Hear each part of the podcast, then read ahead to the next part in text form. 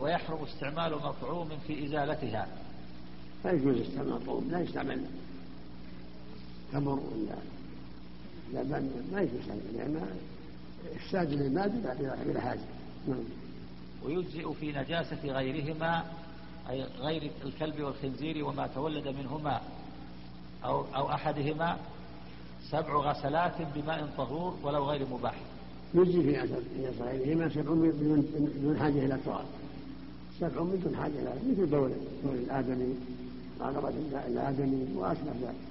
لكن الصواب أنه لا يحتاج إلى سبع. الصواب أن النجاسة تغسل بما يزيلها ولو ثلاث ولو اثنتين ولو أربعة على حسب حالها نعم. ما يشترط السبع إلا في نجاسة الكلب. نعم. ولو غير مباح إن أنقت وإلا فحتى تنقي مع حث وقرص لحاجة نعم. وعصر مع نعم. إمكان كل مرة خارج الماء. لأن الرجل قال المستحاضة يصير عنك الدم وأصلي حيث ذلك قال تقصين ثم تنضحين بالماء ولا يحدد سبع غسلات. فإذا أزيل أثر الدم أو النجاسة بغسلتين أو بثلاث أو بأربع كفى وإذا كان لها زلم يحك. يصير مثل الدم له أثر يحك بعود أو بالظهر ثم يغسل محله. الموضع الذي عليه الدعاء فقط أن يغسل الثياب كله. نعم. كان محل النجاسة. نعم نعم. محل النجاسة من الثوب ونحوه نعم. مع حث وقرص لحاجة. إذا كان يحتاج الحث يحك مثل آثار دم يابس يحك مثل ما في حديث أسماء بنت أبي تحطيه تحطه ثم تقرصه. بالماء نعم. حديث ضعيف لكن معناه صحيح. لو كان غسلته بالماء يلزم ولكن بقي آثار صفرة يعني من طبيعته أن يبقى لها آثار ما يضر. يغسل ما ما محل الشك. يغسل محل الشك. فإذا كان الشك كله الثوب كله شك يغسل كله. وعصر مع إمكان كل مرة خارج الماء. يعصره ثوب يصب الماء ويمسكه بالماء ويعصره ثم يغسل غسلة الثانية وهكذا. نعم.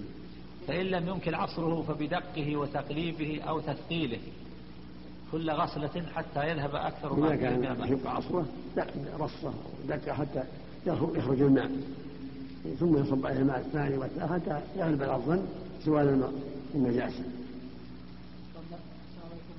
لا يعصر أو شيء داخل الماء خارج الماء يحرص على العصر في خارج الماء. يعصر خارج خارج البحر.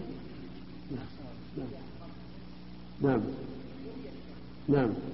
فإن لم يمكن عصره فبدقه وتقليبه أو تثقيله لا صار يشق عصر ثقيل بدقه ورصه حتى ينعصر.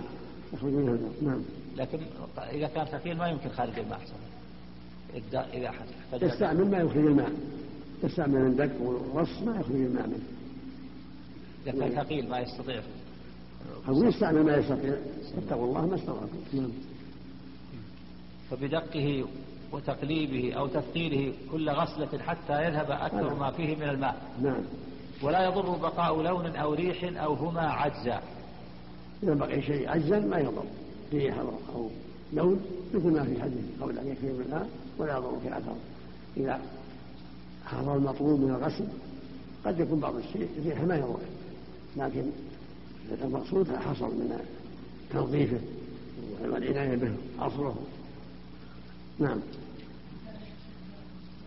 نعم بلا تراب نعم. لقول ابن عمر رضي الله عنهما أمرنا بغسل الأنجاس سبعة فينصرف إلى أمره صلى الله عليه وسلم قاله في المبدع وغيره الحديث هذا ما له أصل الحديث هذا لا أصل قد تبعناه فلم يجد له أصلا ولم يذكره لا والحديث ما له أصل ومن بغسل الأنجاس سبعة ليس له أصل إنما جاء في حديث كعب في حديث الكلب يغسله بسبع وإنما توصل النجاسات بما يزيلها من غسلتين ثلاث أربع على حسب الحاجة. بما يزيلها من الثوب أو من الإناء أو من اليد أو من الرجل يكفي. نعم. وما تنجس بغسله يغسل عدد ما بقي ما بقي بعدها مع تراب في نحو نجاسة كلب إن لم يكن استعمل. كل ما يبقى عنها النجاسة يجتهد في غسله حتى يزول أثره. نعم. ما تنجس بغسله. يعني لو الغسلة الأولى والثانية نزل على محل آخر. يغسل البقية. بقية الغسلات نعم. إذا كان الكلب يعني. نعم. مع تراب في نحو نجاسة كلب إن لم يكن استعمل. نعم. ولا يطهر متنجس ولو أرضا بشمس ولا ريح ولا دل ولا دلك. هذا الصواب. لا يطهر بشمس ولا ريح ولا استحالة بل باقي النجاسة. هذا هو الصواب اللي عليه الجمهور حتى يغسل نعم. نعم.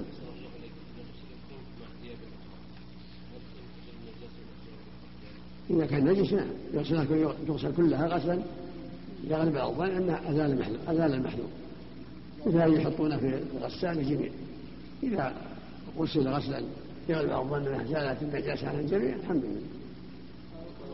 غسل ثوب غسل ثوب نجس مع مع ثياب غير نجس. نعم هذا يغسلها غسلا جميعا حتى يظن أن النجاسة زالت عن الجميع. حتى يظن زوالها عن الجميع. نعم. ولو أسفل خف أو حذاء أو ذيل امرأة. نعم. ولا يطهر متنجس ولو أرضا بشمس ولا ريح ولا دلك. ولو أسفل خف أو حذاء أو ذيل امرأة. الصواب الخف والحذاء والذيل يطهر بالتراب كما جاء به النص. والهون ضعيف. أما غيره فلا بد من أما الخف والنعل يدي المرأة يطهرهما بعده النبي أمر بحكه يدرك التراب بخفيه أو نعليه فهو لهما طهور. يكفي والحمد لله. كذلك غير المرأة. نعم.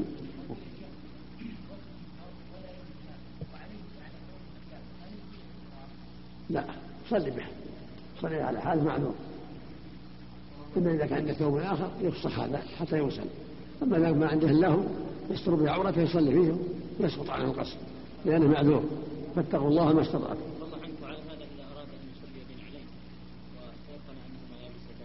إذا حكهما كفى مثل ما صلى النبي عليه صلى عليه وسلم.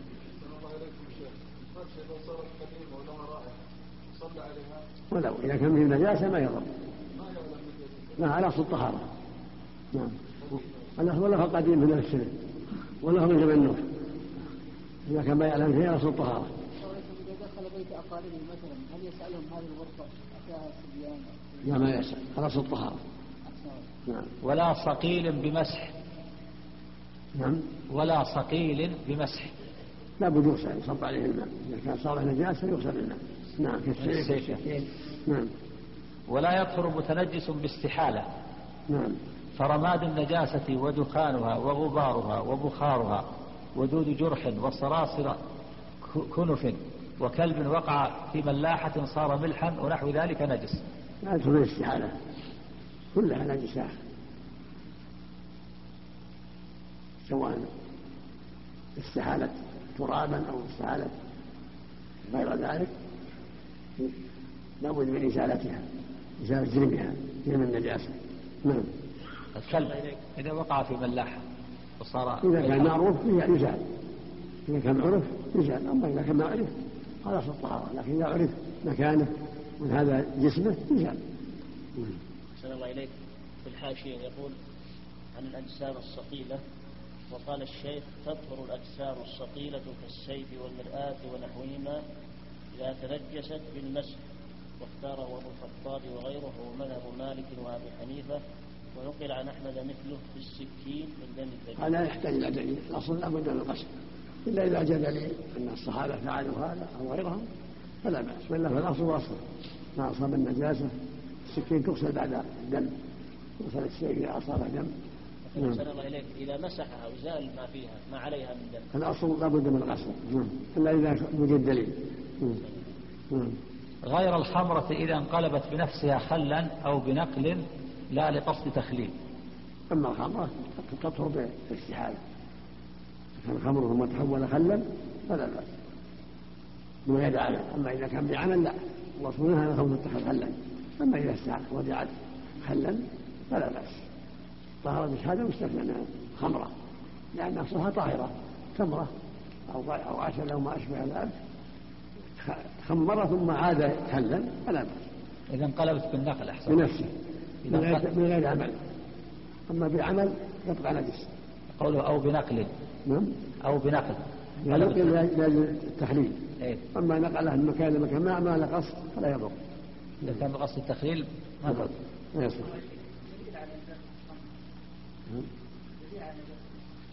الجمهور يقول انها خبيثه يعني لخبثها. نعم. ودنها مثلها. نعم. الاستحالة نعم. الاستحالة أليس الأقرب أنها تطهر لا الاقرب بعد ذلك. الاصل الاصل النجاسه الاصل الطهارة بالماء. هذا هو الأصل. نعم. قول الشيخ تقي الدين أن الرواية صريحة في التطهير بالاستحالة وهو الصحيح بالدليل. آه. ولا يدخل في نصوص التحريم لا لفظا ولا معنى ولا ينبغي أن يعبر بأن النجاسة طهرت بالاستحالة فإن نفس النجس لم يطهر لكن استحال. نعم. الاصل الاصل الأصل لا بد من الماء هذا هو الأصل. نعم. ودنها مثلها. نعم. ودنها مثلها. إيش؟ ودنها دن الخمر. ودنها مثلها. نعم يغسل. يعني الإناء يعني. تبع إذا استحالت خلل فهو مثله. نعم. لأن نجاستها لشدتها المسكرة. نعم. وقد زالت. نعم. كالماء الكثير إذا زال تغيره بنفسه. نعم. والعلقة إذا صارت حيوانا طاهرا. نعم. والعلقة إذا صارت حيوانا طاهرا هذا العلاقة دم في جسم الإنسان أصله طاهر. كله يعني في العروق طاهر. نعم. نعم. الجمهور على النجاسة لحظة لحظة التحرز منها. إذا أصاب الثوب يغسل خروجا من الخلاف ما عليه دليل واضح. نعم. هل يجوز في بلاد المسلمين عصر الكحول لغرض التطهير مثلا؟ كيف؟ عصر الكحول في بلاد المسلمين هل يجوز بغرض التطهير الجروح مثلا أو العمليات؟ كان نجس لا كان نجس لا المشكلة لا ما يجوز ما يجوز تداول عباد الله تداول ولا تداول بحرام. نعم. ودنها مثلها لأن نجاستها لشدتها مسكرة وقد زالت كالماء الكثير إذا زال تغيره بنفسه والعلقة إذا صارت حيوانا طاهرا فإن نعم. خللت أو نقلت لقصد التخليل لم تطهر نعم. والخل المباح أن يصب على العنب أو العصير خل قبل غليانه حتى لا يغلي. هذا خل مباح كونه عصير من تمر أو غيره لا بأس به أو يصب عليه شيء حتى لا لا يتخمر لا بأس. نعم. ويمنع غير الخلال من إمساك الخمرة لتتخلل. نعم. ويمنع. ويمنع غير الخلال من إمساك الخمرة لتتخلل. من؟ من إمساك الخمرة. ويمنع غير الخلال. من إمساك الخمرة من إحساد إمساك. مساك إيه نعم إيه من إمساك الخمرة لتتخلل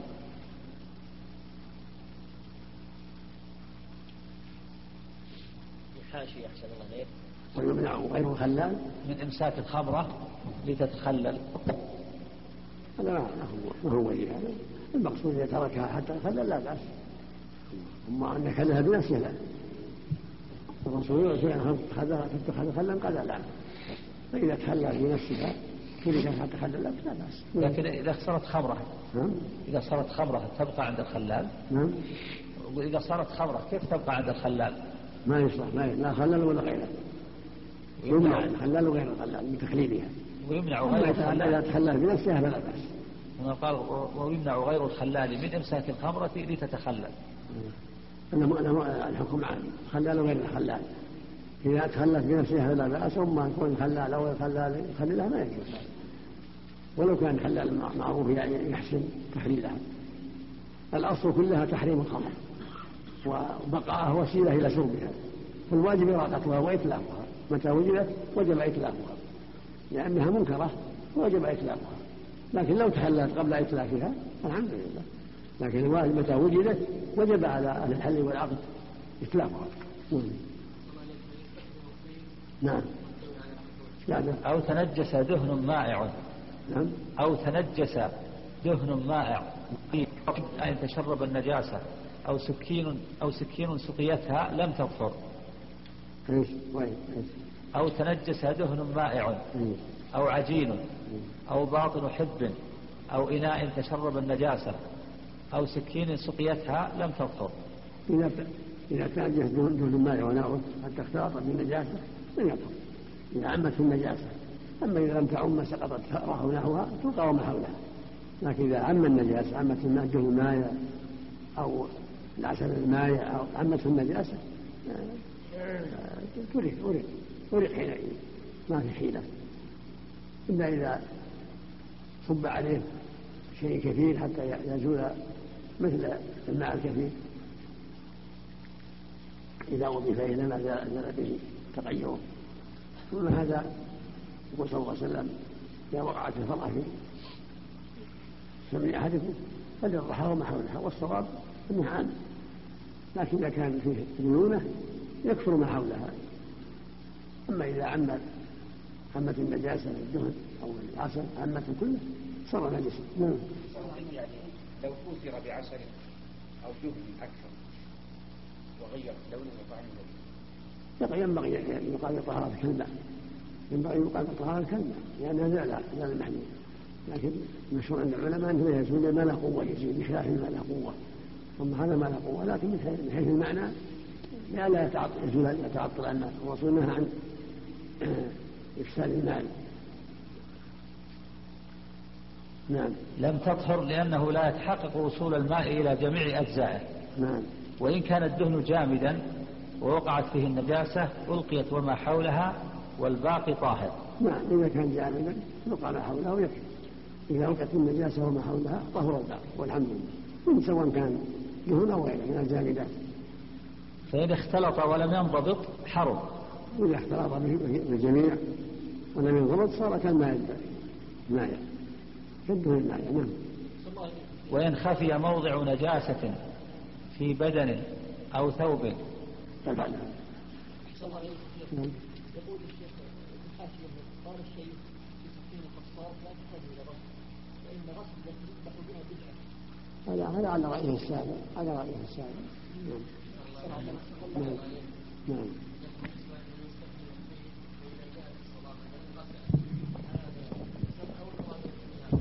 طيب ما يجوز السمع ما يجوز السمع إذا كان طيبة كالهونية ما يجوز السمع له. يقول النبي ما أسكر كثيره فقليله حرام ما كان فيه مسكر لا يجوز استعماله لا في اللباس ولا غير اللباس كالكالونيا نعم. نعم. ما حكم عليها البخاري وجماعة بالوهم الصواب العموم. لكن ما يعني يوقع ما حولها أكثر يعني يصير ما حولها أكثر من الجامع. نعم. لا الواجب اطلاقها. لأنها منكر. ما أسكر كثيره فقليله حرام ما كان كثير يسكر حرام وإن خفي موضع نجاسة نعم في بدن أو ثوب أو بقعة ضيقة وأراد الصلاة غسل وجوبا حتى يجزم بزواله. بسم الله الرحمن الرحيم. اللهم صل على محمد. يقول بعض رحمه الله إذا خشي موضع النجاسة في ثوب أو بقعة أو بدن طيب غسل ما يتيقن به زوال النجاسة. إذا أشكل عليه قطعة من بول في في شيء من ثوبه أو بدنه غسل ما يحصل به البراءة في أسفل الثوب يغسل أسفل الثوب في الكم يغسل الكم وما أشبه ذلك. يعني الشيء اللي يحصل به زوال الشك أو في بدنه في رجله شك في رجل اليمنى أو اليسرى يغسل الثنتين حتى يزول الشك وهكذا في البقعة إذا كان بقعة ضيقة شك أصابها النجاسة ولا شك هو في هذا المحل أو هذا المحل وهي ضيقة صغيرة يغسلها كلها. أما كانت واسعة فالأصل الطهارة. نعم. نعم. إيش؟ لا ما عليها. الوساوس ما عليها. تضيع نعم. نعم. أي زوال النجس لأنه متيقن. نعم. فلا يزول إلا بيقين الطهارة. إيش؟ إيش؟ أي زوال النجس. نعم. أي زوال النجس. نعم. نعم. إذا غسل ما يتيقن معه الطهارة حصل المطلوب نعم.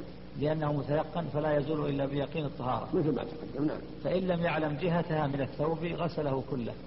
إذا كان لا يعلم جهتها من الثوب. هذه في أسفله وفي أعلاه غسله كله. هكذا البقعة الضيقة. إذا كان ما عرف النجاس فيها غسلها كلها أرق عليها الماء. نعم. وإن علمها في أحد كفيه وإن, وإن علمها في أحد كميه ولا يعرفه غسلهما. كذلك. إذا أصابت أحد كفيه ولم يعرف غسلهما. يعني ظاهر الخفين أما أسفله الدرك يكفي. لكن أصابت النجاسة ظاهر الخف ولا يجب الأيمن والأيسر يغسلهما نعم. وإن علم في أحد كميه. والكمين كذلك كمين يغسلهما نعم. ويصلي في فضاء واسع حيث شاء بلا تحرج أما الفضاء الواسع لا يحتاجها لأن أصل الطهارة كل بقعة منها أصل فيها الطهارة. نعم. ويطهر بول وقيء غلام لم يأكل الطعام لشهوة بنضحه أي غمره بالماء. ولا يحتاج لمرس وعصر. ويطهر ويطهر بول وقيء غلام لم يأكل الطعام لشهوة بنضحه أي غمره بالماء ولا يحتاج لمرس وعصر. بول الصبي الذي لم يأكل الطعام يكفي إجراء ما عليه. لأن الرسول صلى الله عليه وسلم بال على عليه الصبي لم يأكل الطعام فأجرى عليه الماء ولم يغسله. يعني ما يحتاج إلى فرق. ما دام يأكل الطعام فبوله وقيئه يكفي فيه أن يراق عليه الماء وأن يصب عليه الماء ولا يحتاج إلى فرك وعصر. نعم. فأما إذا كان الطعام صار مثل غيره يغسل ويعصر. نعم. هذا المعروف عندهم كبولة. قيئه كبولة. كان يأكل الطعام يغسل وإن كان لا يأكل الطعام يجرى عليه الماء. نعم. الظاهر ملحقا بالبول قياس على البول هذا من فوق وهذا من أسفل. نعم.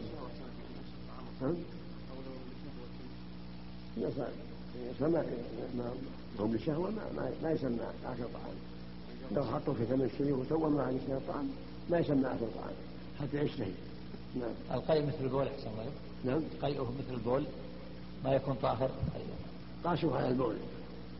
وهو محل نظر لكن هذا هو الاحتياط المؤمن حاشي ولا عندكم على حاشي حاشي عن الشيء نعم.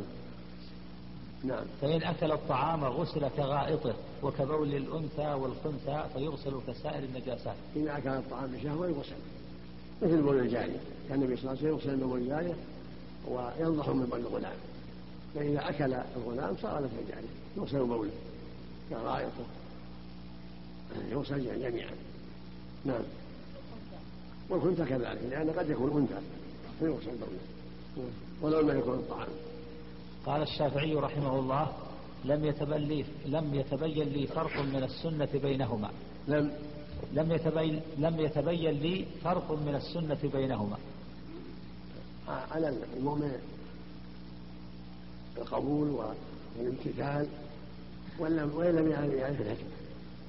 ما دام النبي صلى الله عليه وسلم أمر بغسل نور الجاريه ورش ونظر الغلام يكفي كل احكام الله الحكمه وإن لم وإن لم نعرف الحكمة فعلينا الامتثال والعمل بما جاءت به السنة وإن لم نعرف العلة نعم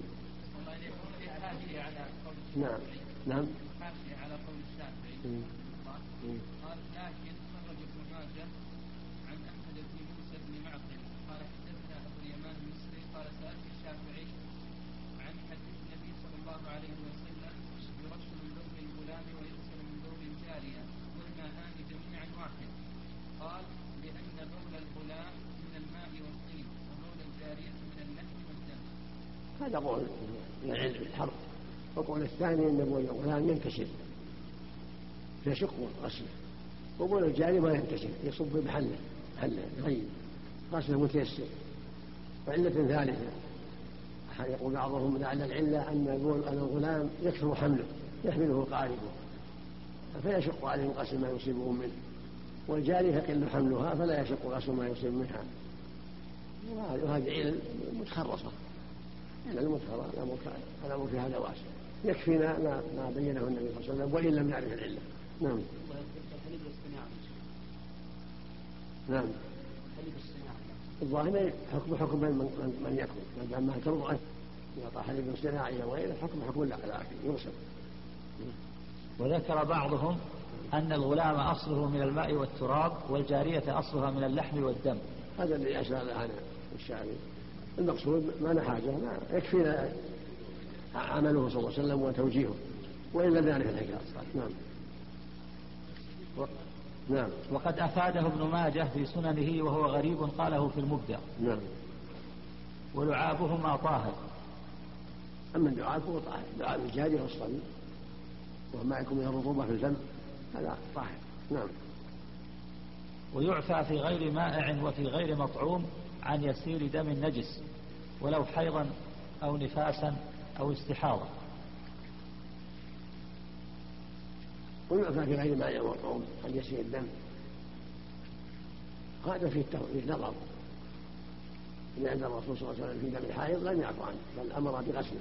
قال لأسماء حكيه ثم قصيه بالماء لكن غير الحيض يعفى عن يسير مثل دم الرعاب اليسير دم الأسنان اليسير يعفى عنه. دم العين اليسير يعفى عنه. أما دم الحيض لا. الصواب أنه لا يعفى عنه يغسل ولو قليل لأن الرسول أمر بغسله. وقال لأسماء حكيه وقال لفاطمة الجابر اغسل عنك الدم وصلي. فلم يعفو عن شيء منه. بل أمرهم بغسل الدماء. حتى أمر اسماء أن تحطه بروحها ثم تغسله بالماء ثم تنضحه خرجه الشيخان الصحيحين. فدم الحيض لا يسمح فيه ولو قليلا يغسل. أما ما قد يقع من الجراحات الجرح اليسير في جرح جريده في يده شيء يسير في عينه ضعف يسير يعفى عنه ان شاء الله وهكذا ما قد في الأسنان. نعم نعم. قد وقع هذا لبعض الصحابة فتساهل في ذلك. نعم. نعم فعني يسير وفعني إن شاء الله نعم. نعم. مثل النفاس مثل الحيض. يغسل نعم.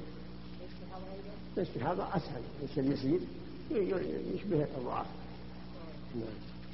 وعن يسير قيح وصديد. كذا يسير قيح وصديد عنه نعم. من حيوان طاهر لا نجس. من حيوان طاهر كالآدمي والبعير والشاة والبقرة. و... و... وأما الحمار والبقر فأصلهما النجاسة فيما يتعلق بموتهما لكن ينبغي يقال فيهما كذلك لأن الراجح في البقر والحمار أنهما طاهران كالهر لأن الناس يبتلون بهم. ولهذا الصحيح أن سوء الحمار والبغل والذب لا بأس به لأن الناس يبتلون بذلك وصحت السنة مثل الهر بذلك. فالبغال والبغل والحمار كذلك. ولو حصل صديد في ظهره أو شبهه على الراكب يعفى عن يسير؟ نعم. ولا إن كان من سبيل قبل أو دبر. نعم ولا إن كان من سبيل قبل أو دبر. ولو. ولا. إيش قبله؟ ويعفى. إيه. ويعفى في غير مائع وفي غير مطعوم عن يسير دم النجس. ثم قال من حيوان طاهر لا نجس. ولا إن كان من سبيل قبل أو دبر. ولا إن كان من سبيل قبل أو دبر. يعني إذا كان من قبل أو دبر يعني قد يمر على النجاسة. فلا يعفى عن يسير يغسل. وعلى هذا عندهم من الاستحاضة كذلك لأنه يمر بالقبل فيسير يغسل. لكن تقدم. شوف أول ما قال. أول ما قال. يعفى. ويعفى. ويعفى, ويعفى في غير مائع. نعم. وفي غير مطعوم. نعم. عن يسير دم النجس. نعم. ولو حيضا. ولو, ولو حيضا. أو نفاسا. أو استحاضة. هذا ما يتلامى عند مروء ما يتلامى وعن يسير قيح وصديد من حيوان طاهر لا نجس ولا إن كان من سبيل قبول أو دور. ولو ولا لم يكون سواء القراء هذا تناقض قال ولا إن كان من سبيل قبل أو دبر أي القيح والصليب لأن حكمه حكم الضوء والغاية فلا يرفع شيء منه. يعني إذا كان القيح والصليب خرج لعل قصده أنه خارج خارج لكن يتناقض مع الحيض. لأن من تقدم في دم الحيض الحيض يخرج من القبول. وهكذا النفاس يخرج من القبول. فالأقرب والله أعلم ما كان من الحيض والنفاس وما يخرج من القبول والدبر هذا لا يستمع فيه. هذا هو الصواب. مما تقدم. لأن الرسول أمر الأسماء أن تحكه وهو قليل فدل ذلك على ما كان من السبيلين لا يرفع عنه. قيح أو صديد أو حيض نفاس أو حيض أو نفاس هذا يغسل أما ما قد يقع من الجراحات في البدن شيء يسير في البدن في الرجل في الظهر في البطن في الرأس أو شيء يسير الرعاة أو يسير دم الأسنان أو ما أشبه هذا يعفى عنه إن شاء الله. نعم. لما قد لما رجع عن الصحابة في هذا رضي الله عنهم. نعم. إلا إلا الاستحاضة تكون بسبب المشقة لا لا تبع من من من القبول الاستحاضة من القبول. لهم هذا الظن لهم ما يكون من القبول نعم. الأصل فيها النجاسة وإن سمح لها بالصلاة يغسل قليل وهو كثير. نعم. لا يغسل يغسل كله. نعم. واليسير ما لا يفحش في نفس كل أحد بحسبه اليسير ما ليس بفاحش. اليسير ما ليس بفاحش في نفس الإنسان. كل إنسان بحسبه. فاليسير في نفسه لم يسير العين في عينه أو في أسنانه أو في ظهوره. يعفى عنه ما دام يعده يسيرا ليس بفاحش يعفى عنه نعم.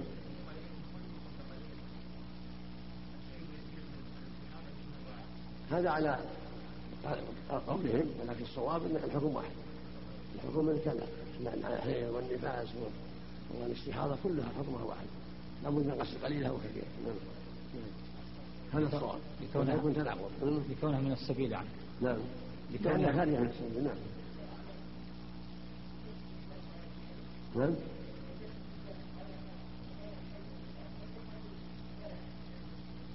نعم نعم كل الدم داخل الدم المسموح نعم. نعم. نعم. نعم. ويضم متفرق بثوب لا أكثر. يضم متفرق بثوب إذا كان كان ضم بعض الأرض يكون نجس يكون فاحش تغسل إذا كان نقط في الثوب مجموعة فاحش تغسل نعم. ودم السمك وما لا نفس له سائلة كالبق والقمل ودم الشهيد عليه وما يبقى في اللحم وعروقه ولو ظهرت حمرته طاهر. كل هذا طاهر ما يبقى في اللحم والعروقه هذا الدم تبع اللحم طاهر. إنما يكون الدم المسروق فقط. أما ما يكون في اللحم وعروق اللحم فهو طاهر. وهكذا ما مثل ما لا يسره السائلة كما قد في القمل ونحو ذلك. يعفى عنه نعم. دم الشهيد. ودم الشهيد عليه. ما يغسل. ان الرسول ما أمرهم بغسيله يدفنون في دمائهم الشهداء. نعم. الضوء سهل نعم. لما ليس له نفس سائلة. كالقمل دم يسير. نعم عنه نعم. نعم. نعم من السبيل يغسل. نعم. من السبيلين يغسل. نعم. كالبول. نعم. ويعفى عن أثر استجمار بمحله بعد الإنقاء واستيفاء العدد. يعفى عن أثر الاستجمار في محله بعد الإنقاء. والصواب أنه طاهر. إذا أنقى طهر. قال النبي صلى الله عليه وسلم لا يستنهى أن يستجيب بعظم ورد وقال إنهما لا يطهران. فدل على أن الاستنجاء غيرهما يطهر. فأمر أن يستنجى باللبن ونحوه وهذا يستنجى بأقل من ثلاثة. فإذا استنجى بثلاثة أو أكثر وأنقى المحل صار طاهرا كما يطهر الخف والنعل إذا مسح بالأرض وأنقى في المسح طهر حكما. وهذا من من لطف الله وتيسيره جل وعلا ورحمته سبحانه وتعالى. نعم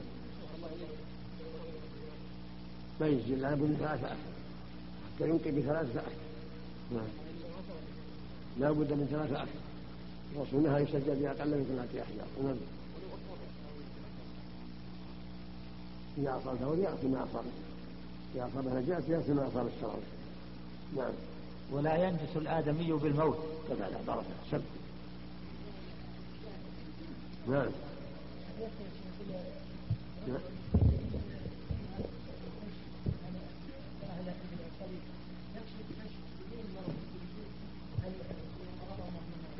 هذا إيش؟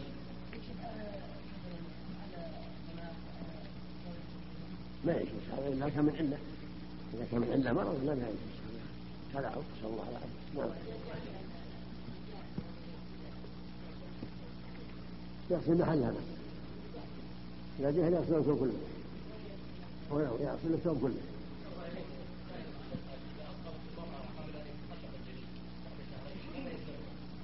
إذا كان في في علامة في النفاس وكان ما في علامة هذا الفساد استحاضة تصلي والصوم وتوضأ لكل صلاة. أما إذا كان في علامة يد ولا رجل يدل على إنسان هو نفاس. عليها أن تجلس ولا تصلي حتى تكمل أربعين أو ترى الطهر قبل ذلك.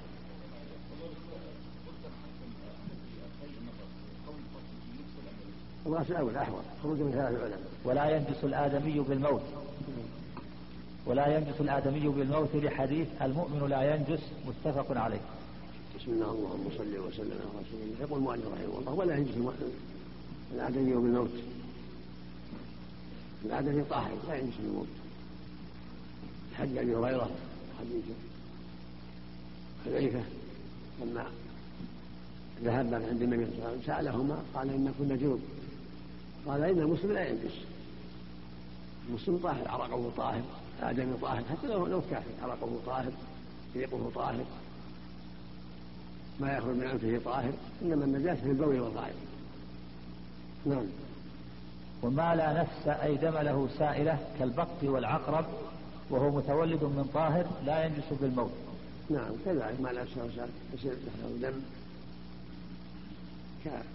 كالجراد وأشباهه كل شيء لا. يسأله ليس له دم حكم حكم الطهارة. نعم. بريا كان أو بحريا نعم. قوله عليه الصلاة والسلام المؤمن لا ينجس ما يفهم منها لا ليس له مفهوم. لكن المؤمن طاهر طهارة معنوية وبدنية جميعا. والكافر طاهر البدن فقط. والمسلم له طهارتان طهارة في الدين وطهارة في البدن. الكافر نجس نجسة معنوية. نعم. كافر. نعم. نجس نجسة معنوية. إنما المشروع نجس يعني من جهة الاعتقاد. نعم. ولهذا أكل النبي من طعام أهل الكتاب والله أباح لنا طعام أهل الكتاب وهم من أكثر الناس. نعم. لا طاهر ريقه نخامته وأنفه دمعه كله. النجاسة في البول والغائط والدم. نعم. نعم. لا ينجس بالموت بريا كان أو بحريا؟ وما لا نفس له سائلا لا ينجس بالموت بريا كان أو بحريا. نعم. المتولد من النجاسة كالصراصير وغيره. لا نفس له وهذا حكم الطهارة لأنها مستقلة حيوان مستقل لا الأصل لها حكم الطهارة. نعم. نعم.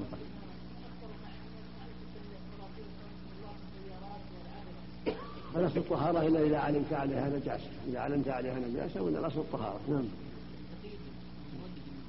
نعم.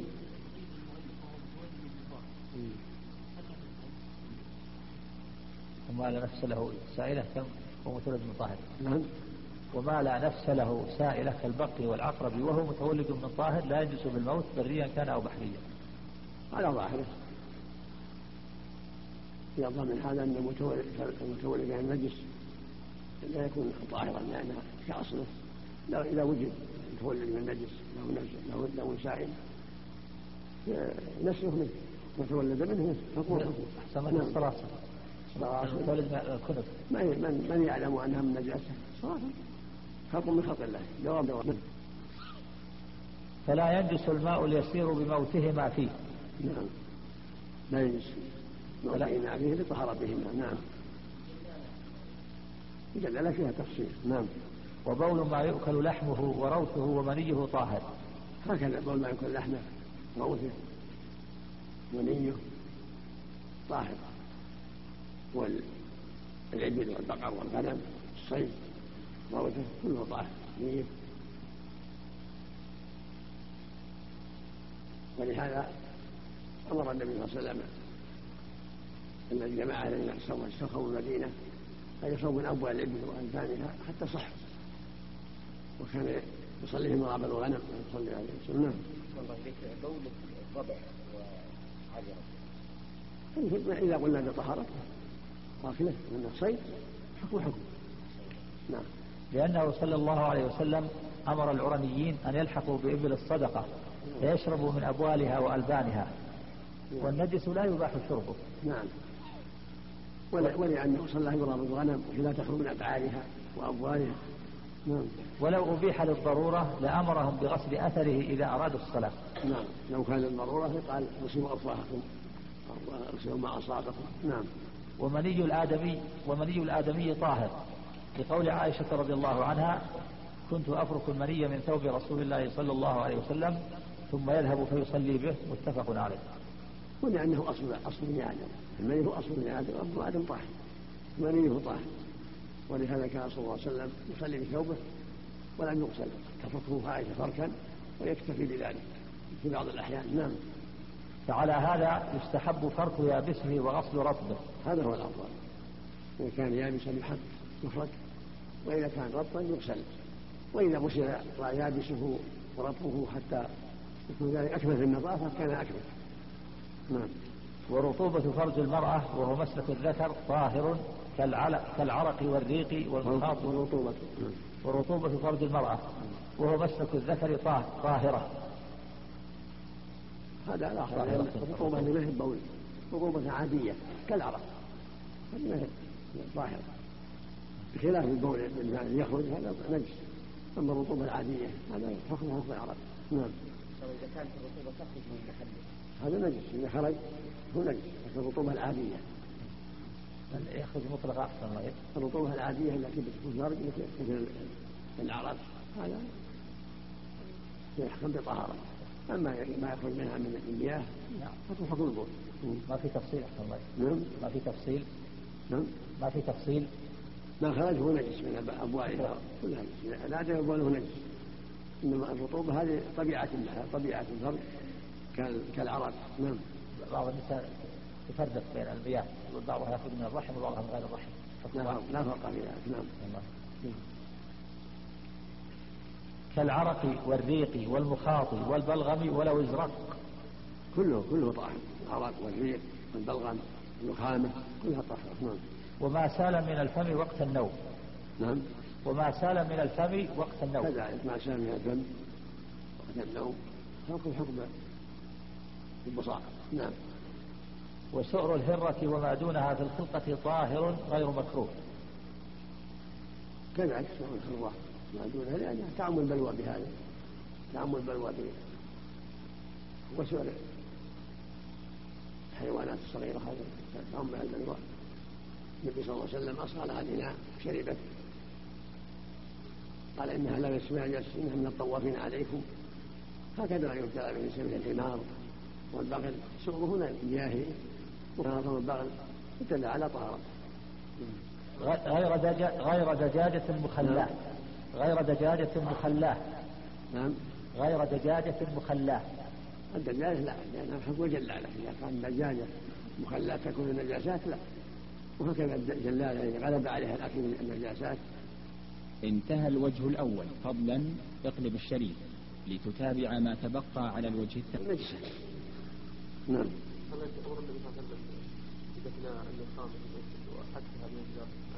ما ما يدل على النجاسة. هذا عليها قدر من باب القدر. لا من لا من باب النجاسة. نعم. نعم.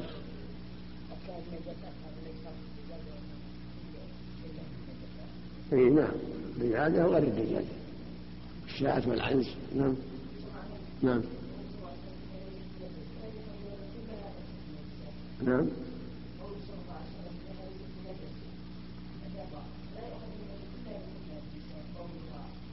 لا لا لا. الآدمي هو بنجس الآدمي نجس ولا طاهر الآدمي. وبوله. ها؟ سبحان الله. نعم. نعم. صلى الله تحبس ال... نعم. الذي تأكل الد... نعم. جلالة تحبس. الجلالة غيرها الجلالة غيرها تحبس. غلب عليها. إذا كثر منها هذا صارت أبوالها ولحمها نجس حتى حتى تحبس. ثلاثة أيام أو أكثر على حسب حالها. هذا ما في جلالة من البحث. نعم. هل صح فيها مدة معينة؟ أحسن الله نعم. صح فيها مدة معينة حبسها؟ نعم. هل صح فيها مدة معينة حبسها؟ يروى عن ابن عمر كان يحبس الدجاجة ثلاثة أيام ثم يأكلها. رضي الله عنه. أما الشاة أكثر. ينبغي أن تكون أكثر. سبعة أيام وعشرة أيام لأنها قد تخلف الناس أكثر من الدجاجة. الشاة والبقرة والبعير يكون أكثر عما يغلب على الظن أنه يطهر بس يعني حتى تعلى الطيب الماء الطيب والعلف الطيب حتى يغلب على الظن زوال آثار النجاسة نعم. الله عمل الحلال. نعم هي تأكل النجاسات يعني. نعم. نعم. البعض والبعض نعم والسؤر بضم السين مهموز بقية طعام الحيوان وشرابه. هذا السؤر البقية بقية الطعام قال السؤر نعم. والهر القط. وإن أكل هو أو طفل ونحوهما نجاسة ثم شرب ولو قبل أن يغيب من مائع لم يؤثر لعموم البلوى. إيش؟ وإن أكل هو أو طفل ونحوهما نجاسة ثم شرب ولو قبل أن يغيب من مائع لم يؤثر لعموم البلوى هذا العموم. منها ليس من نجس من الطوافين عليكم والأطفال كذلك كعموم البلوى قد يتعاطون شيء يأخذ بيده ويضع في فمه شيء من النجاسة ثم يشرب أو تشرب الحرة بعد أكلها الفأرة. مرادة أن يؤخذ بالعموم لأن ريقها يطهر فمها ريقها بعدما أكلت النجاسة. يطهر فمها وهكذا الطفل ريقه يطهر فمه. وإذا احتاط الإنسان من هذا إذا كان أخذت النجاسة وشربت في الحال أو الطفل في الحال إذا كان شيء قليل وأراقه هذا حسن من باب الاحتياط من باب دع ما يغيبه إذا كان الشيء قليل ماء قليل شربت منه على وهو يشوف أخذت النجاسة أكلت الفأرة في الفم أو الطفل أخذ تلطخ أخذ لطخ يده في فمه وفي النجاسة إذا احتاط الإنسان حسن إن شاء الله. نعم. قل ولو قبل أن يغيب يعني. ولو قبل أن يغيب نعم. لكن ولو لو إشارة الخلاف القولي نعم. أو لو إشارة الخلاف القولي الاحتياط في هذا أنه إذا رآها أكلت ولغت في الماء وهي فمها في متلطف في الفأرة ونحوها أو الطفل في فمه النجاسة مثل هذا يراق إذا كان الماء قليل. نعم. لا عن نجاسة بيدها أو رجلها. أما النجاة اللي في يدها رجلها ما يعفى عنها. النجاة في يدها أو في رجلها أو في يد الصبي ما يعفى عنها. نعم. ولو وقع ما ينضم دبره في مائع ثم خرج حيا لم يؤثر. وين؟ وين؟ ولو وقع ما ينضم دبره في مائع ثم خرج حيا لم يؤثر. الأصل الطهارة. إذا كان طاهر الأصل الطهارة. إذا وقع ثم خرج حيا الأصل الطهارة. نعم. قولوا ما ينضم دبره يعني. ما لا, ما لا حاجة هذا. الأصل ما وقع في الطاهر في الماء ونحوه طاهر هو طاهر. نعم. الذي ينفتح دبره يخشى خروج النجاسة.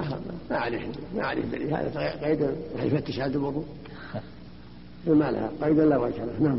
وسباع البهائم وسباع الطير التي هي أكبر من الهر خلقة والحمار الأهلي والبغل منه أي من الحمار الأهلي إلى الوحش نجسة. والصواب أنها طاهرة الحمار الأهلي والبغل والسباع والسباع. مثل ما قال إنها ترد علينا وترد علينا ترد المياه وتأكل من الشجر. المقصود أن ما يتلاقى فيه السباع ونحوه على صفه الطهارة كالهرة. هذه من الطوافين على غتران الناس وعلى أنهار الناس وعلى مياه في البر فيعفى عنها الحمد لله هذا هو الصواب سواء كان السبع ذئبا أو أسدا أو نمرا أو غير ذلك إلا ما يعرف من الكلب إذا كان الكلب فهذا إذا كان قليل مثل ما بين النبي صلى الله عليه وسلم. نعم. صلى الله تقيد الهرة وما دونها في الخلقة. نعم. تقيد الهرة وما دونها في الخلقة. ما عليه دليل. الأصل الطهارة. ما دام محكوم بالطهارة فالأصل الطهارة. وما حكم بالنجاسة؟ فالأصل النجاسة فالأصل الحيوان الطهارة. ما دام يطوف علينا كالهرة ونحوها والفأرة ونحوها ما عدا الكلب. والناس يبتلون بالحمر يبتلون بالبغال والنبي صلى الله عليه وسلم يركب الحمار والبغل ويشرب من مياه الناس فالصواب وهكذا السباع. يبتلى بها الناس في الأنهار والحيضان من الماء وما يجتمع من السيول فالأصل في هذا الطهاره ولهذا كان النبي صلى الله عليه وسلم لا يسأل عن هذا. اللهم صل عليه وسلم. لا كان لا يغسل؟ هو لا يسأل عما يرد عليه. يشرب ويشربون من الحيضان في البداري في القراري ولا يسأل عن ذلك. وكذا جميع أجزائها وفضلاتها. لأنه عليه الصلاة والسلام لما سئل عن الماء وما ينوبه من السباع والدواب قال فقال إذا كان الماء قلتين لم ينجسه شيء. فمفهومه أنه ينجس إذا لم يبلغهما. الأصل المفهوم هذا مقيد بقول صلى الله عليه وسلم إن الماء طهور لا ينجس شيء. أما بعد ولا قلتين محل نظر. ليس جازما بأنه ينجس لكن هو محل النظر. إن تغير بالنجاسة نجس وإلا فلا. إلا إذا كان قليلا يراق كما في قول صلى الله عليه وسلم إذا ولغ الكلب في يد أحدكم فليرقه.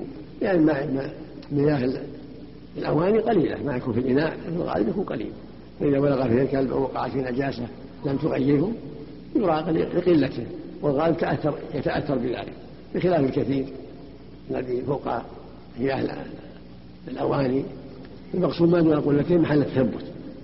وليس معناه أن نجس دائما بل محل التثبت. لقوله صلى الله عليه وسلم إن الماء طهور لم يجسمه شيء. صلى الله عليه وسلم. نعم. أما المفهوم يعني مفهوم محل تفصيل نعم. نعم. قاسه جماعة. يعني يغسل سبع مرات على الكلب والأصل عدم القياس. يغسل بس حتى يغلب على الظن سواء الآثار نعم. صار الحياض التي تردها الكلاب؟ الأمر فيها واسع. ترد عليها ولا عليها. نعم. نعم. نعم. شو؟ صحيح لا بأس نعم. نعم. وقال في الحمر يوم خيبر إنها رجس متفق عليه والرجس النجس. نعم. الرجس هذه محرمة المراد محرمة. المراد بنا أنها رجس محرمة يعني. كما قال تعالى إنما الخمر ميسر والأنصار رجس يعني محرمة. الأنصار به النجسة والأزلام به النجسة والميسر عمل مو نجس. لكن المقصود التحريم. ولهذا ركبها صلى الله عليه وسلم عالية ركب الحمار عالي والبغل عالي. ومعلوم أن ركوب البغل والحمار قد يعرق عليه الإنسان في الطريق يعرق عليه. ولو كان نجس ما ما ركبه عاليا. وصلى عليه كذلك كان يصلي على الحمار وعلى البغل يصلي عليه. نعم باب باب الحيض. بركة على هذا الأقرب عندكم أحسن الله إليك أن سباع البهائم ظاهرة وكذا فضلاتها نعم. وأجزاؤها. نعم. ظاهرها. يعني ما ما تدل على السباع ما تدل على الحيضان ونحوها حكم حكم حكم الحمل والبغال. لا تنجس علينا المياه. لكن بخلاف رواتها واوبالها نعم. لكن قوله وكان جميع أجزائها وفضلاتها. الفضلات فضلات دماءها ولحومها نجسه لكن المقصود في الحياة ريقها إذا وردت على الماء أو وضع عليها شيء ظهرها أو بركت على شيء ولا وجد نجاسة الاصل الطهاره لهذا ركب الحمار والبغل عليه الصلاة والسلام. يعني ظاهرها ظاهرها طاهر. نعم. هذا الظاهر. لأن تعم بها البلوى. تعم بها البلوى. في المياه والمنازع والحيضان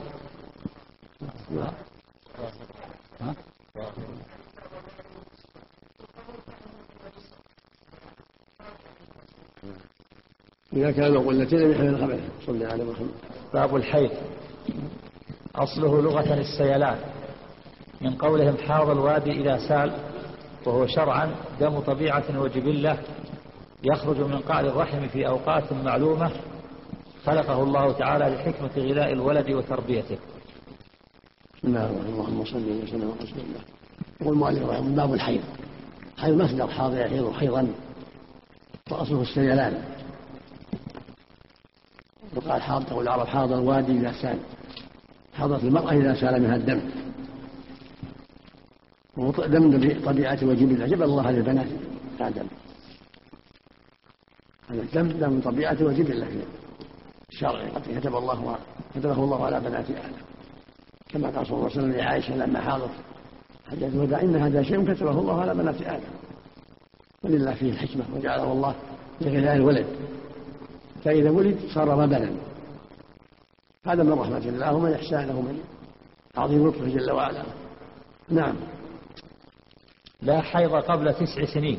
نعم. فإن رأت دما لدون ذلك فليس بحيض لأنه لم يثبت في الوجود. نعم. وبعدها إن صلح فحيض.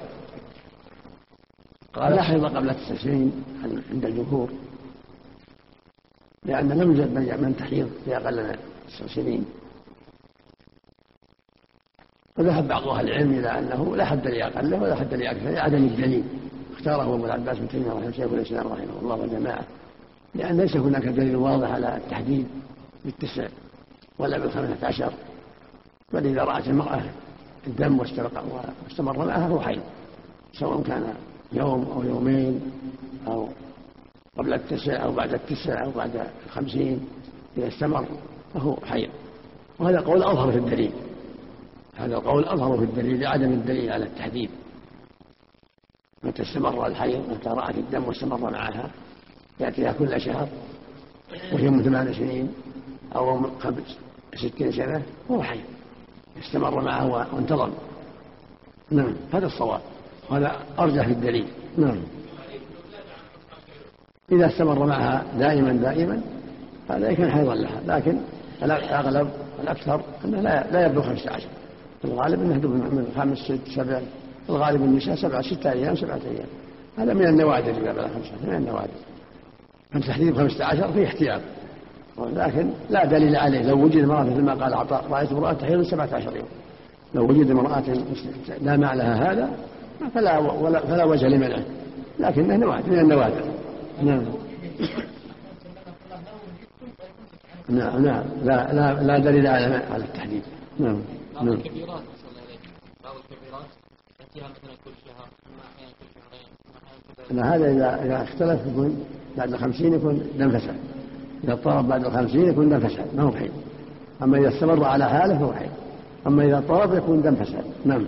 لا يلغى لا لا تصلي فيه وتصوم توضأ لكل صلاة مثل دم الاشتهار. نعم. الصلاة يا شيخ ما ما هناك سن معين للصغار نعم. نعم. قبل تسع سنين. صحيح الغالب تسع سنين الغالب. انها تحيض بعد بعد تسع أم 10 أم 12 أم 11 هذا الغالب. هذا من النوادر حتى حتى التسع من النوادر. نعم. نعم. قال الشافعي رحمه الله رأيت جدة لها إحدى وعشرون سنة. وهذا يدل أنها حاضة تسع أو تسع ونصف نعم. ولا حيض بعد خمسين سنة لقول عائشة رضي الله عنها نعم. إذا بلغت المرأة خمسين سنة خرجت من حد الحيض ذكره أحمد. بعد الخمسين لا حيض يعني في الغالب. لا حد لا حيض في الغالب كما قالت عائشة. ولكن لو وجد فلا حرج. الصواب لا حرج. قد بلغ قد استفتانا كثير من بعض النساء يثبت حيضهن بعد الخمسين على حالته لا يتغير. فتبقى تبقى حائض لعدم الدليل. نعم. ولا أما إذا اضطرب بعد الخمسين فهذا يعني علامة على أنه ليس بحيض. نعم. ولا فرق بين نساء العرب وغيرهم هذا هو الصواب. لا فرق بين نساء العرب وغيرهم نعم. إذا استقام. إذا استقام ولم يضطرب نعم. ولا حيض مع حمل. قال. إنما نعم. ولا حيض مع حمل. الحمل لا تحيض. يعرف حملها بانقطاع الحيض. هذا هو الصواب. ما تراه دم فساد. نعم. قال أحمد إنما تعرف النساء الحمل بانقطاع الدم. نعم. قال النبي صلى الله عليه وسلم لا تطوع حمل حتى تضع. ولا غير لا تحمل حتى تحيض حيضة. نعم. المقصود أنها الحمل هذا العائد والمعروف أنها لا تحيض وقد يوجد منها مع بعض الدماء تكون دم فساد دم فساد بعضها لأن الله تحيض وأن قد يخرج دم عن الحمل يكون حيض ولكن الأظهر أنها لا تحيض وأن ما تراه يعتبر دم حسن نعم. إذا انتظم أحسن. نعم. إذا انتظم الدم من الحامل.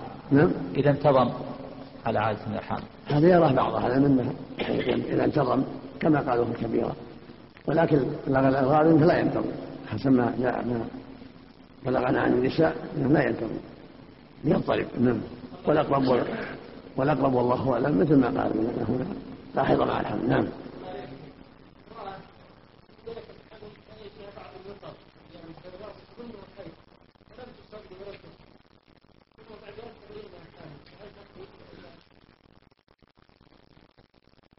إن حق إن حق احتياط. إن قضت احتياط.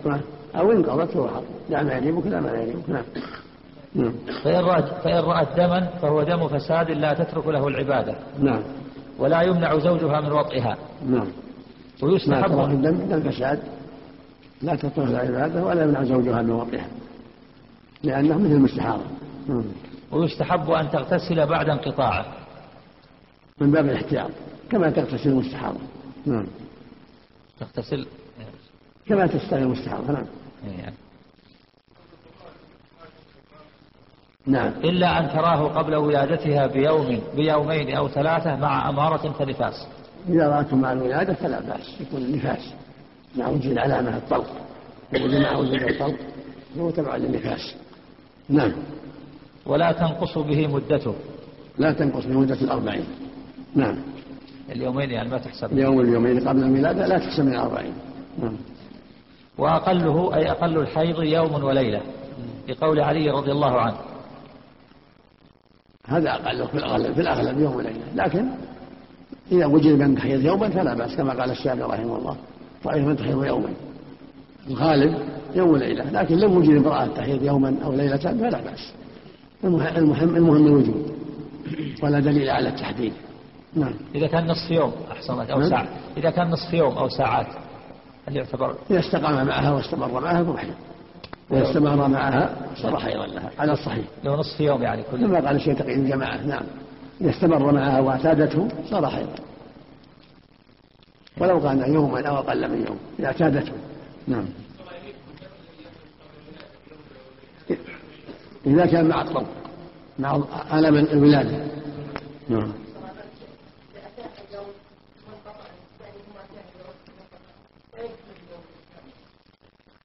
إذا اعتادته يكون حيض وما بينهما طهر إذا اعتادته. والأصل لا تصلي وتصوم حتى يعرف أنه آت له. نعم. من يصلي الصوم؟ نعم. من يصلي الصوم؟ نعم. يصلي الصوم الحا- الحامل ولا؟ الأصل ما تراه حيضا هذا هو الأصل. نعم نعم. سواء يوم تسع ولا عشر وهذا هو الأصل. فإذا اعتاده واستمر يكون حيضا. يكون عادة لها. يعني بي- وما بين وما بينها من الطهارات تصلي فيه. يوم الحيض ويوم الدم حتى يستقر. فإذا استقر بخمس أو ست أو سبع أو ثمان صار حيض عادة لها. نعم. وإذا كانت تخلل في كل مرة هي أحسن تخلل. نعم. إذا كانت تخلل الطهر في كل مرة.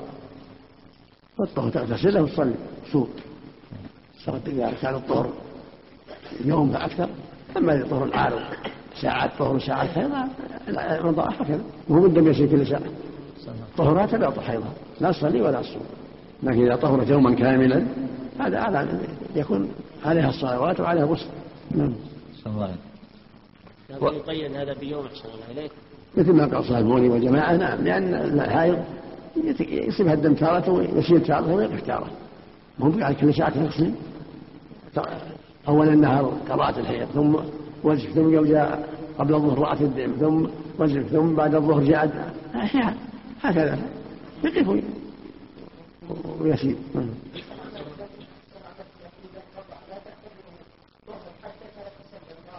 هو بلزم. لا إذا رأت النقع يكفي ولو ما رأت غسلة البيض إذا رأت النقع تغتسل.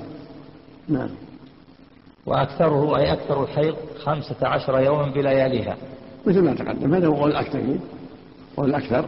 ولكن لو وجد امرأة استمر معها الحيض دائما دائما ستة عشر أو سبعة عشر يكون يكون عادة له. لكن أحسن الله إليك. لكن هذا نادر ان النادر لا حكم على الغالب هو هذا. ست سبع هذا الغالب أما كونها تكثر من هذا هذا من من النوادر نعم. لقول عطاء رحمه الله رأيت من تحيض خمسة عشر يوما بل- بلياليها. نعم. وغالبه أي الحيض ست ليال بأيامها أو سبع ليال بأيامها. هذا هو الغالب. كما جاء في حديث حمله تحيل ستة أيام وسبعة أيام. الغالب هو هذا. للنساء ستة أيام وسبعة أيام هذا هو الغالب. لكن بعضهن تحيل ثلاثة أيام بعضهن يومين بعضهن أربع. عادات النساء مختلفة كثيرة. نعم. نعم. وأقل الطهر بين الحيضتين ثلاثة عشر يوما. يعني هذا هو الغالب أقل. قد يكون أقل وقد يكون أكثر. لكن هذا هو الغالب. وإلا قد يكون الطهر في الغالب 23 يوم 24 يوم هذا هو الغالب أقل الطهر بين الحيضتين في حضرة الشهر مرتين 13 يوم. ولكن مثل ما تقدم ليس هناك دليل يعتمد عليه إلا ما جرت به عادته. فلو كانت تحيض بعد كل عشرة أيام والصبر لا بأس. نعم. احتج له الإمام أحمد رحمه الله بما روي عن علي رضي الله عنه. أن امرأة جاءته وقد طلقها زوجها فزعمت أنها حاضت في شهر ثلاث حيض. فقال علي رضي الله عنه لشريح قل فيها. فقال شريح إن جاءت ببينة من بطانة أهلها ممن يرجى دينه وأمانته فشهدت بذلك وإلا فهي كاذبة.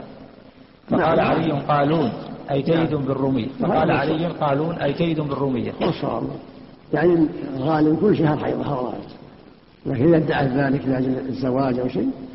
ينظر في أمرها ينظر في أمرها إذا شهد لها بطاعة من أهلها أنها صادقة فلا بأس. ولا في الأصل كل كل شهر في حيضة. نعم. ولا حد لأكثره أي أكثر الطهر بين الحيضين بين, بين الحيضتين. نعم. لأنه قد وجد من لا تحيض أصلا. لا حد لأكثره بعض النساء قد تأخذ شهرين ثلاثة ما جاء حيض ثم تحيض. بعض النساء لا تحيض. ولا حد لأكثره.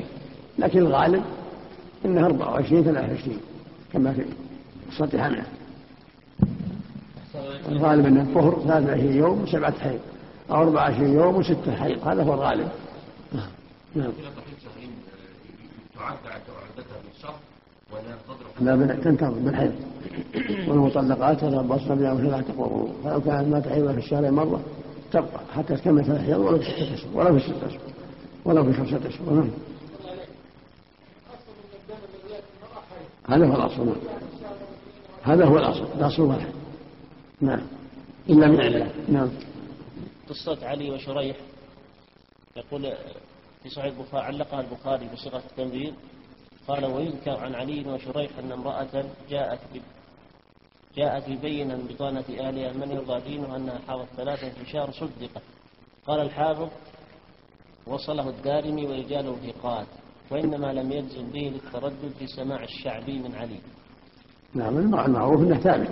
قصة ثابتة نعم. نعم. نعم بعض النساء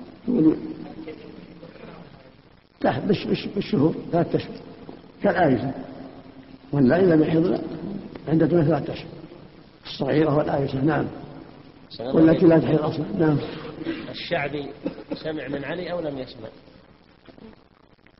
وسمع بعض الشيء سمع بعض الشيء من علي من علي رضي الله عنه. ليس بكثير نعم. لكن غالبه بقية الشهر. نعم.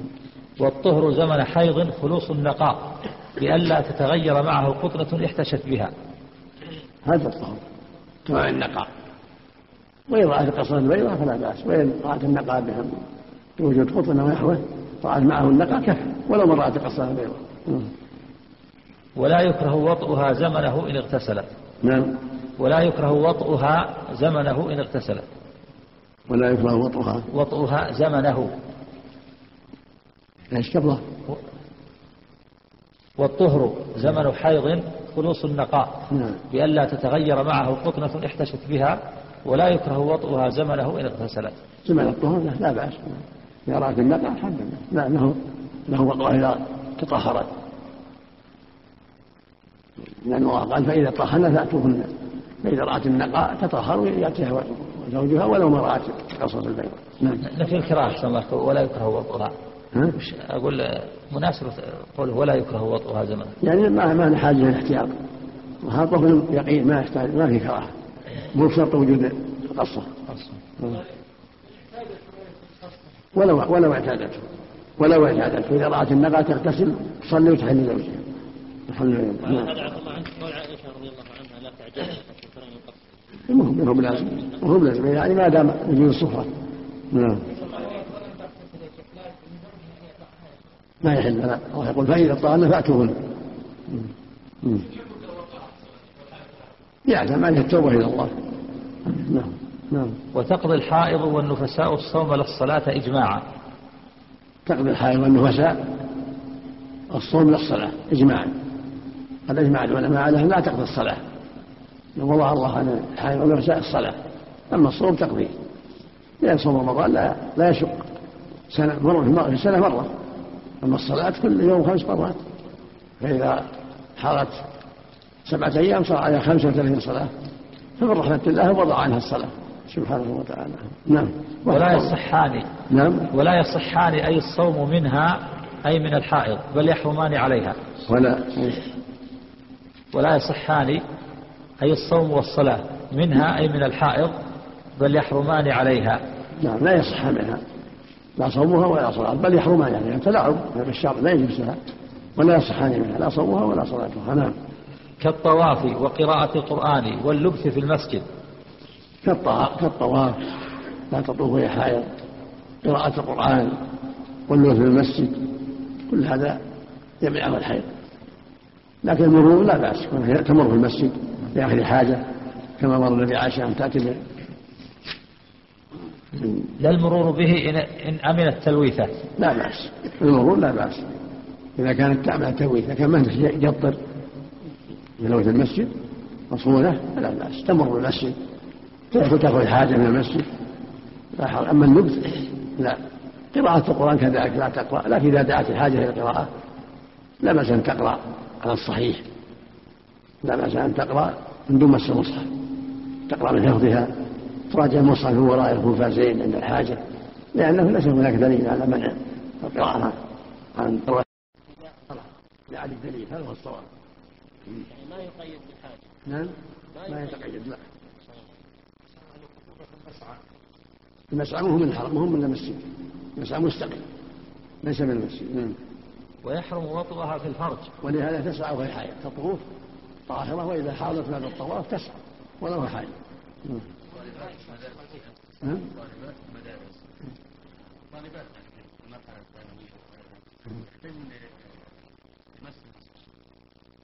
من وراء حائل من وراء حائل من وراء قفازين.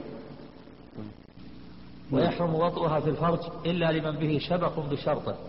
يحرم وطئها في الأرض لأن الله حرم ذلك. قل بعد فاعتزلوا النساء في المحيض ولا تقربون حتى يطهرن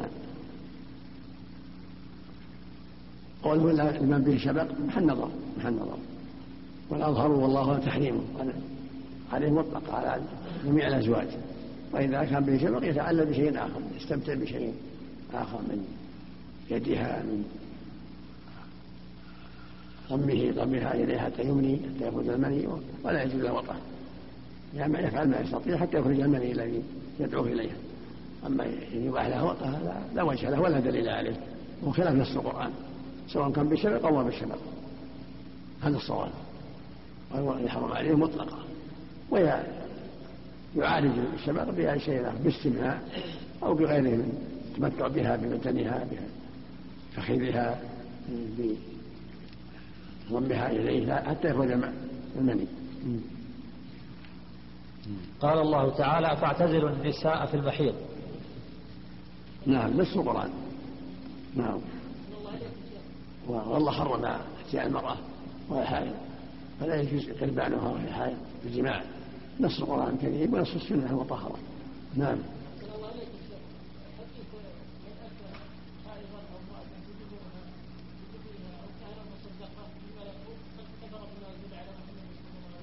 ذكر الحائض في في إنسان ضعف أما ما أتى الجاهل والعراف صحيح.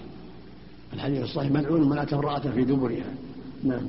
نسأل الله العافية. نعم. فإن فعل بأن أولج قبل انقطاعه من يجامع مثله حشفته ولو بحائل أو مكرها أو ناسيا أو جاهلا فعليه دينار أو نصفه على التخيير كفارة. الحديث الصحيح ابن عباس. ما امرأة واحدة فليصدق بدينار أو نصف دينار. رواه أهل السنن وأحمد بإسناد صحيح. كم يساوي بالريال؟ أربعة أسباع دينار أربعة أسباع جنيه. الدينار أربعة أسباع جنيه مثقال. والدينار مثقالان الجنيه السعودي مثقالان الربع. الدينار أربعة أسباع من الجنيه السعودي ونصفه سبوعان سهمان من سبعة. نعم. أحسن الله. خير بأن بأن يجامع ثم يتصدق أم إذا يعني ليس له جماع لا يجوز له جماع لكن لو فعل فقد أثم عليه الإثم والصدقة جميعا. يكون الأولى الاستمناء باليد أو بغير اليد إذا إذا اضطر إلى ذلك. نعم. لمن به شبق بشرطه قال وبيده. وشرطه الا يندفع بيدها. شهوته بدون الوطء بالفرج ولا ولا تندفع ولا. شرط باطل. ليس له الجماع ابدا مطلقا. يحاول إزالة يحاول ازاله الشبق بما يستطيع. نعم. ليس له الجماع قد يدعي اني ما زال قد يدعي هذا يقطع الحائض. نسأل الله العافية. نعم.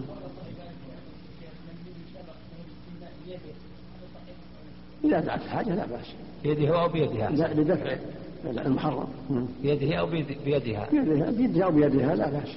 لدفع المحرم. أما أن الجامع لا ليس له جماع لما جاء الوعيد لمن استمنى باليد؟ لا للضروره هذا.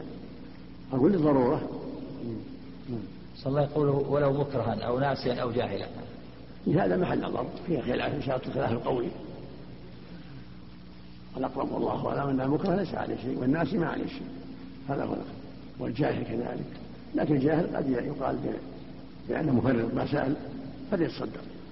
أما الناس والمكره فالأظهر والله أعلم. لا شيء عليهما المكره حتى في الكفر. أكره الكفر لم يكفر.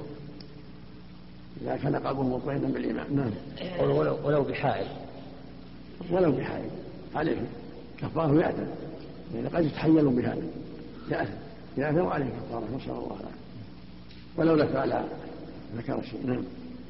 لحديث ابن عباس رضي الله عنهما يتصدق بدينار أو نصفه.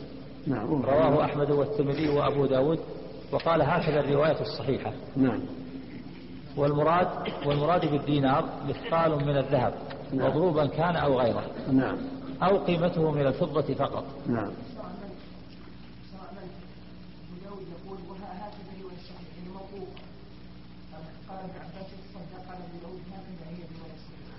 هكذا رواية الصحيح لا مرفوع إلى النبي صلى الله عليه وسلم. الصحيح مرفوع إلى النبي صلى الله عليه وسلم. سنن واحمد بإسناد صحيح. ابن خزيمه وجماعه هو صحيح. قد تأملنا اسانيده لا بأس به. نعم. نعم. ويجزئ لواحد. يدفع لواحد لا بأس. صدقة يعطاها واحد لا بأس. دينار ولا شيء دينار. نعم. وتسقط بعجزه. إذا عجز سقط نعم. وامرأة مطاوعة كرجل. والمطاوعة مثله على دينار أو نصف ما عليهم. نسأل الله العافية. نعم. ويجوز أن يستمتع بها أي من الحائض بما دونه أي دون الفرج. من القبلة واللمس والوضع دون الفرج.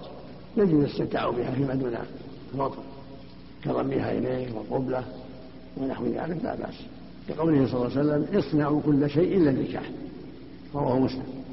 إن النكاح إلا الجماع والأفضل أن يكون بعد من وراء الازار الأفضل أن يامرها أن تتزر هذا هو الأفضل كما أخبرت عائشة رضي الله عنها.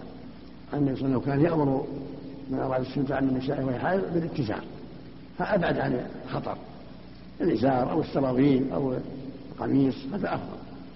واحوط ولكن لو باشر استمتاع بها من دون إزار لا باس لكن لا لا يجامعه. نعم.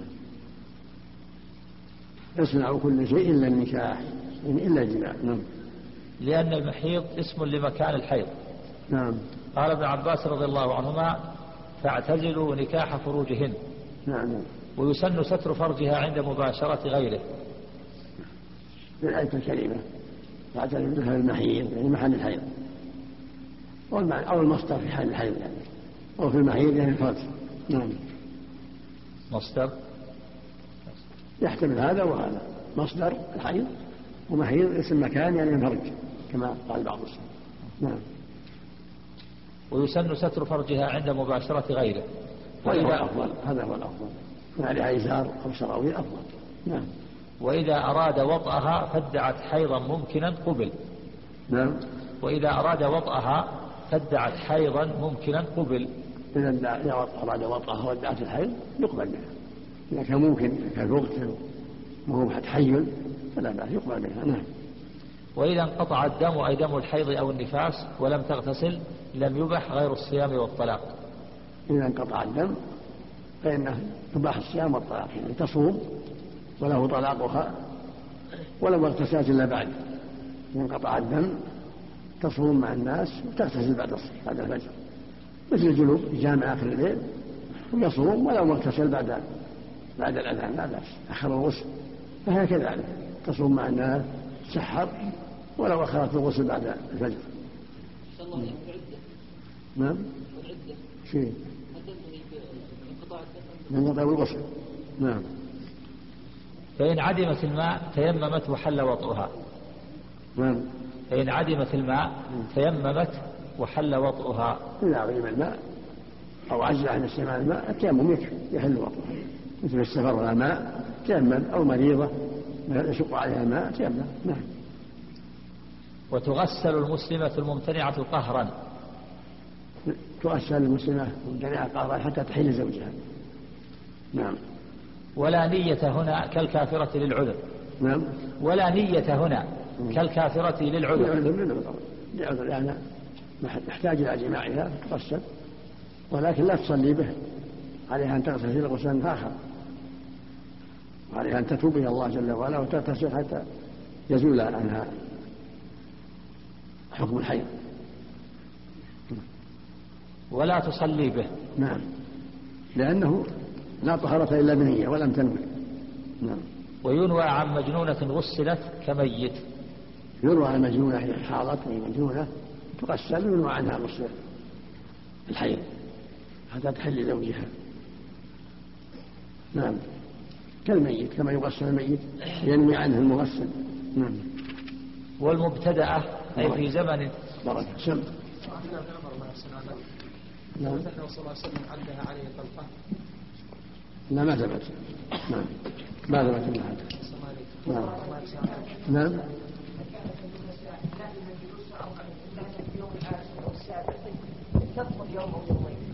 إذا رأت الطهارة تغتسل وتصلي تحل زوجها ثم إذا عاد الدم تجلس. لأن بعض النساء قد يقع هذا قد تطوى أيام ثم يعود الدم.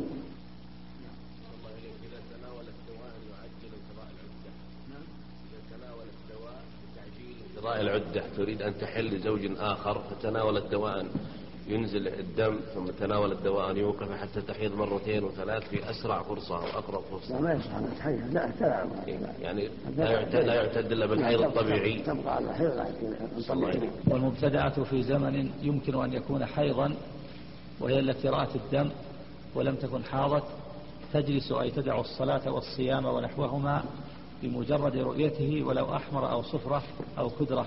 أقله أي أقل الحيض يوم وليلة ثم تغتسل لأنه آخر حيضها حكما وتصلي وتصوم ولا توطأ. بسم الله الرحمن الرحيم. اللهم صل وسلم على رسول الله. لما فرغ المؤلف من الحيض وبيان أحكامه وتفصيله ذكر المبتدأة ثم بعدها المعتادة والمبتدأة هي التي أصابها الحيض أولا لم يكن لها عادة وهي الصغيرة تجلس يوم وليلة أقل الحيض. إذا كان تم ذات كما تقدم. وبعد هذا تغتسل وتصوم وتصلي لأن هذا هو الاحتياط في شأنها ولكن لا يطأها زوجها احتياطا. أما الصلاة تصلي وتصوم احتياطا أيضا. وهذا قول فيه نظر. والصواب أنها تجلس غالب الحي ستا أو سبعة. كعادة نسائها كما جاء في حديث حمنا هذا هو الصواب. المبتدع تجلس خمسا أو ستة. ستة أو سبعة. حسب عادة نسائها وغالبها وهي عادة النساء غالبا ثم تغتسل وتصوم وتصلي وتحل زوجها درب واحد.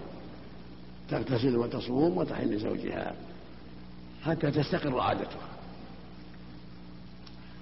فإذا جاء الشهر الثاني ومضت على هذا حتى يأتي الثالث. فإذا جاء الثالث والدم معها خمس أو ست أو سبع أو ثمان أو تسع صار عادة لها. والقول الثاني أنه يكون عادة بالشهر الثاني أيضا. لكن بكل حال أنها في أول الأمر تجي ستا أو سبعة تتحرى. أما كونها يوم وليلة لا لا وجه له ولا دليل عليه. ولكن تجلس غالب الحين ستا أو سبعة كعادة نسائها إذا طال عليها. أما إذا انقطع ليومين أو انقطع لثلاث انتهى الموضوع منتهي لكن إذا استمر تجد ستة أيام وسبعة لا تصلي ولا تصوم ولا تحل زوجها. ثم تغتسل بعد ذلك وتصوم وتصلي وتحل زوجها كما أفتى النبي محمد في ذلك عليه الصلاة والسلام. نعم. صلى الله إذا استمر عشرة أيام والدم صالح. نعم. إذا استمر عشرة أيام ثم انقطع والدم صالح لأن يكون حيضا. إذا استمر ثم انقطع العمدة على الشهر الأول ستة أيام سبعة أيام. إذا استمر عشرة على عشرة أيام صار عادة له. تنتقل من السبعة إلى العشرة يكون عادة لها في الشهر الثالث. في الشهر الأول. استمر عشرة أيام. تجي ستة أيام أو سبعة أيام والباقي استحاضة. هذا حديث حمد نعم. يستمر الدم في 15 يوم نعم. يستمر الدم في 15 يوم استحاضة. الصلوات التي لا لا لا ولا تصوم لا لا لا. تجي ستة أيام سبعة أيام وتصلي وتصوم. دام مبتدعة تصلي وتصوم بعد السابع أو بعد السادسة على حسب ما في نسائها. على حسب عادة نسائها. نعم. لو أن امرأة عادتها أن تحيض ثلاثة أيام ثم ما يفعلونه من منع الحمل هذا الأيوب وغيره يجعل حيضتهم سبعة أيام. تكون هذه عادتها أن تكون ثلاثة ولا أربعة؟ لا العادة بعد ما استقرت أخيرا. لأن الحيض لأن اللولب ولا قد يضيق المجاري تطول المدة تكون عادة اللي استقرت أخيرا سبعة أيام. حيض لأنه ضيق عليها اللولب هذا نعم. بارك الله فيك استقرت عادة مبتدئة على عشرة أيام تقضي أيام الصبر لا ما تقضي هذا. نعم. نعم.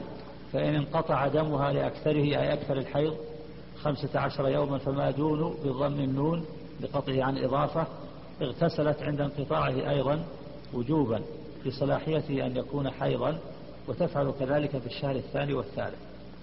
يقول والأول والأول والأولى لا لا لا يجب يستحب كما أمر المستحاضة بذلك عليه الصلاة والسلام. يستحب لها احتياطا.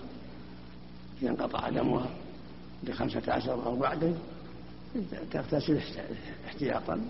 وعملا بالسنة التي علمها من المستحاضات وإلا فغسلها الواجب بعد الست والسبع. هذا غسلها الواجب. والبقية أغسال المستحبة المستحاضة